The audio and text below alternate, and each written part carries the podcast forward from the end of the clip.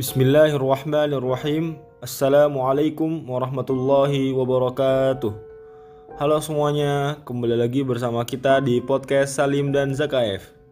Insya Allah pada episode kali ini kita akan melanjutkan mengenai pembahasan haji wada. Jadi tak kala dakwah Islam telah sempurna dan Islam telah menguasai keadaan di dunia di Jazirah Arab. Tanda-tanda perpisahan dengan kehidupan dan orang-orang yang hidup di dunia mulai tampak pada diri Rasulullah Wasallam. Hal ini tampak jelas dari ungkapan-ungkapan dan perbuatan-perbuatan beliau. Pada bulan Ramadan tahun 10 Hijriah, beliau melakukan iktikaf selama 20 hari. Padahal pada tahun-tahun sebelumnya, beliau hanya melakukan selama 10 hari. Pada tahun itu pula, Jibril datang dua kali untuk mengajarkan Al-Quran kepada beliau. Kemudian, pada waktu Haji Wada, beliau berkata, Sesungguhnya aku tidak mengetahui secara pasti. Boleh jadi aku tidak akan bertemu lagi dengan kalian setelah tahun ini, di tempat ini selamanya. Ketika berada di Jumroh Akobah, beliau berkata, Ambillah dariku manasik kalian, manasik haji, boleh jadi aku tidak dapat melakukan haji lagi setelah tahun ini.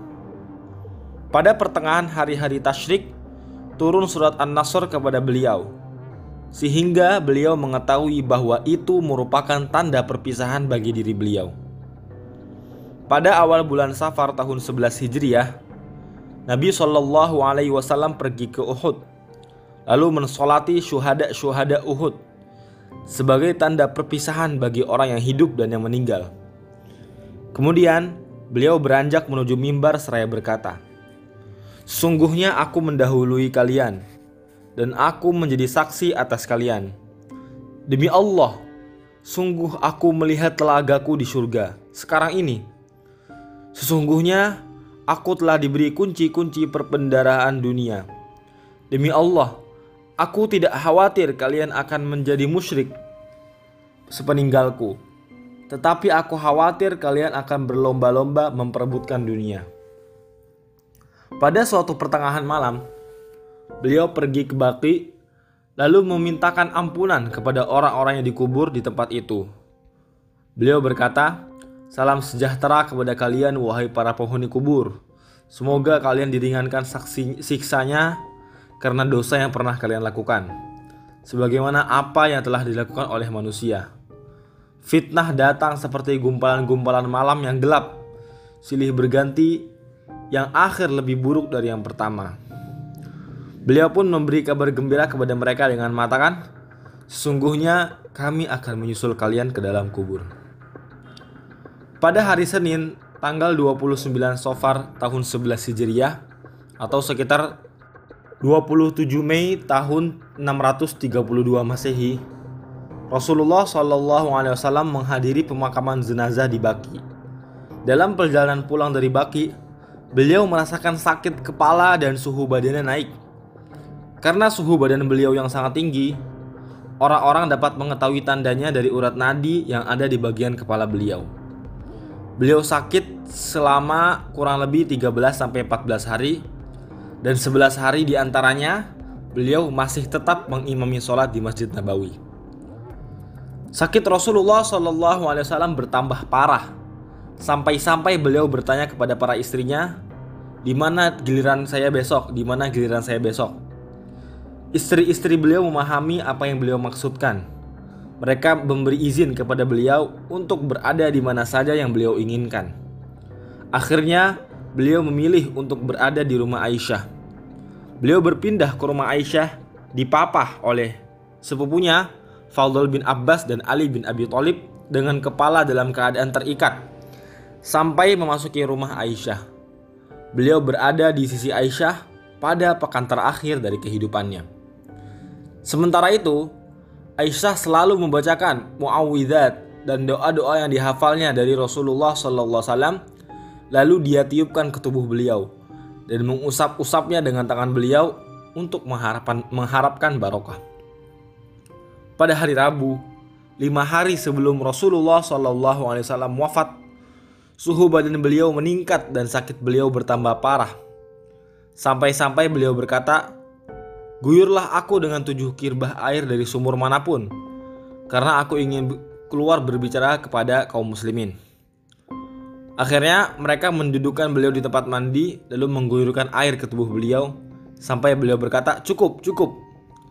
Setelah diguyur, beliau merasa agak ringan lalu masuk ke dalam masjid dengan kepala diikat, hingga duduk di atas mimbar dan berbicara kepada orang-orang.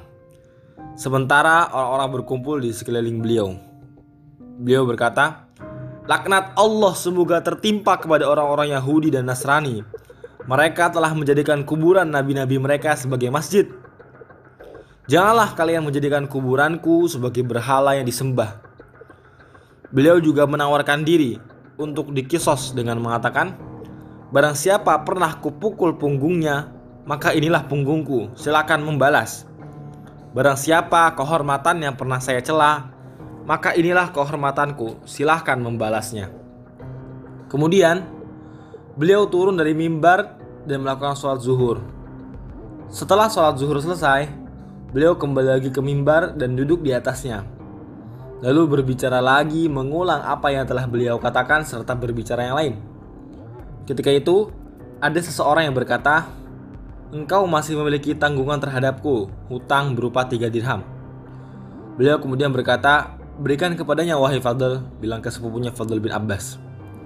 Setelah itu, beliau memberi nasihat agar memperhatikan orang-orang Ansor, yaitu penduduk asli Madinah. Beliau berkata, Aku berwasiat kepada kalian agar memperhatikan orang-orang Ansor, karena mereka adalah para pendukung dan pemegang rahasiaku. Mereka telah menunaikan kewajiban mereka, dan hak mereka masih ada. Maka terimalah orang yang berbuat baik di antara mereka, dan maafkanlah orang yang berbuat kesalahan di antara mereka. Di dalam riwayat lain disebutkan, sesungguhnya manusia bertambah banyak, sedangkan orang-orang Ansor semakin sedikit sehingga mereka seperti garam yang ada di dalam makanan. Barang siapa di antara kalian menangani suatu urusan yang merugikan atau memberikan manfaat kepada seorang, maka terimalah orang yang berbuat baik dari mereka dari orang Ansor dan maafkanlah orang yang berbuat buruk dari mereka. Kemudian beliau berkata, Sesungguhnya ada seorang hamba yang diberi pilihan oleh Allah, yaitu diberi kemewahan dunia sesuai apa yang dikehendakinya atau diberi apa yang ada di sisi Allah. Lalu dia memilih apa yang ada di sisi Allah. Abu Sa'id Al-Khudri bercerita, mendengar ucapan Nabi Shallallahu Alaihi Wasallam, Abu Bakar As-Siddiq menangis dan dia berkata, kami tebus engkau dengan bapak-bapak dan ibu-ibu kami. Kami pun merasa heran kepada Abu Bakar sehingga orang-orang berkata, lihatlah orang tua ini, Rasulullah Shallallahu Alaihi Wasallam mengabarkan tentang seorang hamba yang diberi pilihan oleh Allah antara diberi kemewahan dunia menurut apa yang dikehendakinya atau diberi apa yang ada di sisi Allah. Orang ini malah berkata, kami tebus engkau dengan bapak-bapak dan ibu-ibu kami. Rasulullah Shallallahu Alaihi Wasallam adalah orang yang diberi pilihan tersebut Sedangkan Abu Bakar adalah orang yang paling mengetahui makna perkataan Rasulullah SAW tadi di antara kami semua. Kemudian Rasulullah SAW berkata, Sesungguhnya orang yang paling bermurah hati kepadaku dalam harta dan persahabatan adalah Abu Bakar. Seandainya aku hendak mengangkat orang sebagai teman kesayangan selain Allah, niscaya aku mengangkat Abu Bakar sebagai teman kesayanganku. Namun, persaudaraan Islam adalah lebih baik. Semua pintu di masjid harus ditutup, kecuali pintu yang biasa dilalui oleh Abu Bakar. Inilah bukti kecintaan Rasulullah SAW yang lebih terhadap Abu Bakar As-Siddiq. Untuk selanjutnya akan dilanjutkan oleh Abu. Silakan Bu lanjutkan. Oke Pi, aneh lanjutin. Sekarang kita masuk ke empat hari sebelum Rasulullah SAW wafat tepatnya pada hari Kamis ketika itu sakit beliau tidak surut-surut atau masih sama-sama aja dan ketika hari Kamis itu Rasulullah SAW masih bisa mengimami kaum muslimin dari sholat subuh sampai ketika sholat isya itu ketika Rasulullah SAW hendak beranjak untuk pergi mengimami kaum muslimin merasa nggak kuat dan akhirnya pingsan sampai itu berulang kali terjadi tiga kali. Dan akhirnya Rasulullah SAW pun menunjuk Abu Bakar sebagai imam bagi kaum muslimin dan ini Abu Bakar mengimami sholat orang-orang muslim tepatnya sebanyak 17 kali selama Rasulullah SAW masih hidup.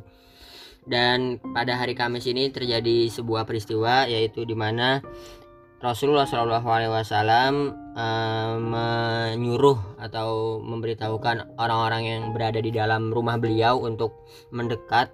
Dan Rasulullah Shallallahu Alaihi Wasallam ingin menyampaikan beberapa wasiat yaitu yang pertama ada mengeluarkan orang-orang Yahudi dan Nasrani serta orang-orang musyrik dari Jazirah Arab.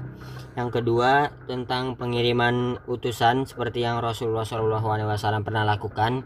Yang ketiga di sini disebutkan bahwasannya perawi hadis ini lupa, tetapi di buku ini dijelaskan boleh jadi yang ketiga ini adalah wasiat untuk berpegang teguh kepada Al-Quran dan Sunnah atas perintah untuk melanjutkan atau perintah untuk melanjutkan pengiriman pasukan Usama atau wasiat untuk memperhatikan masalah sholat dan hamba-hamba sahaya yang dimiliki. Dan ketika itu Umar bin Khattab yang juga ada di rumah Rasulullah SAW berkata, beliau ini terpengaruh oleh sakitnya. Toh di sisi kalian ada Al-Quran, cukuplah bagi kalian kitabullah. Dan akhirnya terjadi perselisihan di dalam rumah Rasulullah SAW di antara para sahabat. Ada yang Eh, nurut-nurut uh, aja sama Rasulullah SAW tapi ada juga yang menyetujui pendapat Umar dan akhirnya ketika mereka semakin gaduh di rumah Rasulullah SAW akhirnya Rasulullah SAW menyuruh atau bersabda menyingkirlah kalian dari sini. Lalu ber, berlanjut ke hari esoknya yaitu dua hari sebelum Rasulullah SAW wafat tepatnya pada hari Sabtu. Ketika itu beliau merasa badannya mendingan dan akhirnya dengan dipapah dua orang laki-laki Rasulullah SAW keluar rumah untuk melaksanakan sholat zuhur sementara pas ketika Rasulullah SAW datang sholat zuhur itu ke masjid nah Abu Bakar ini lagi ngimamin orang-orang. Ketika Abu Bakar melihat Rasulullah datang, maka Abu Bakar beranjak untuk mundur ke belakang maksudnya uh, biar Rasulullah Wasallam aja yang imam. Tetapi beliau Rasulullah Wasallam mengisyaratkan kepada Abu Bakar agar dia tidak usah mundur. Lalu akhirnya Rasulullah Wasallam sholat di samping Abu Bakar dan Abu Bakar mengikuti sholat Rasulullah SAW dan mengeraskan bacaan takbir agar didengar orang-orang. Jadi imamnya Rasulullah SAW. Nah untuk episode kali ini sampai sini dulu. Uh, jangan lupa di share ke teman-teman kalian. Bentar lagi episode Sirah Nabawiyah kita udah mau habis. Kita udah berada di penghujung kisah. Kurang lebihnya mohon maaf. Wassalamualaikum warahmatullahi wabarakatuh.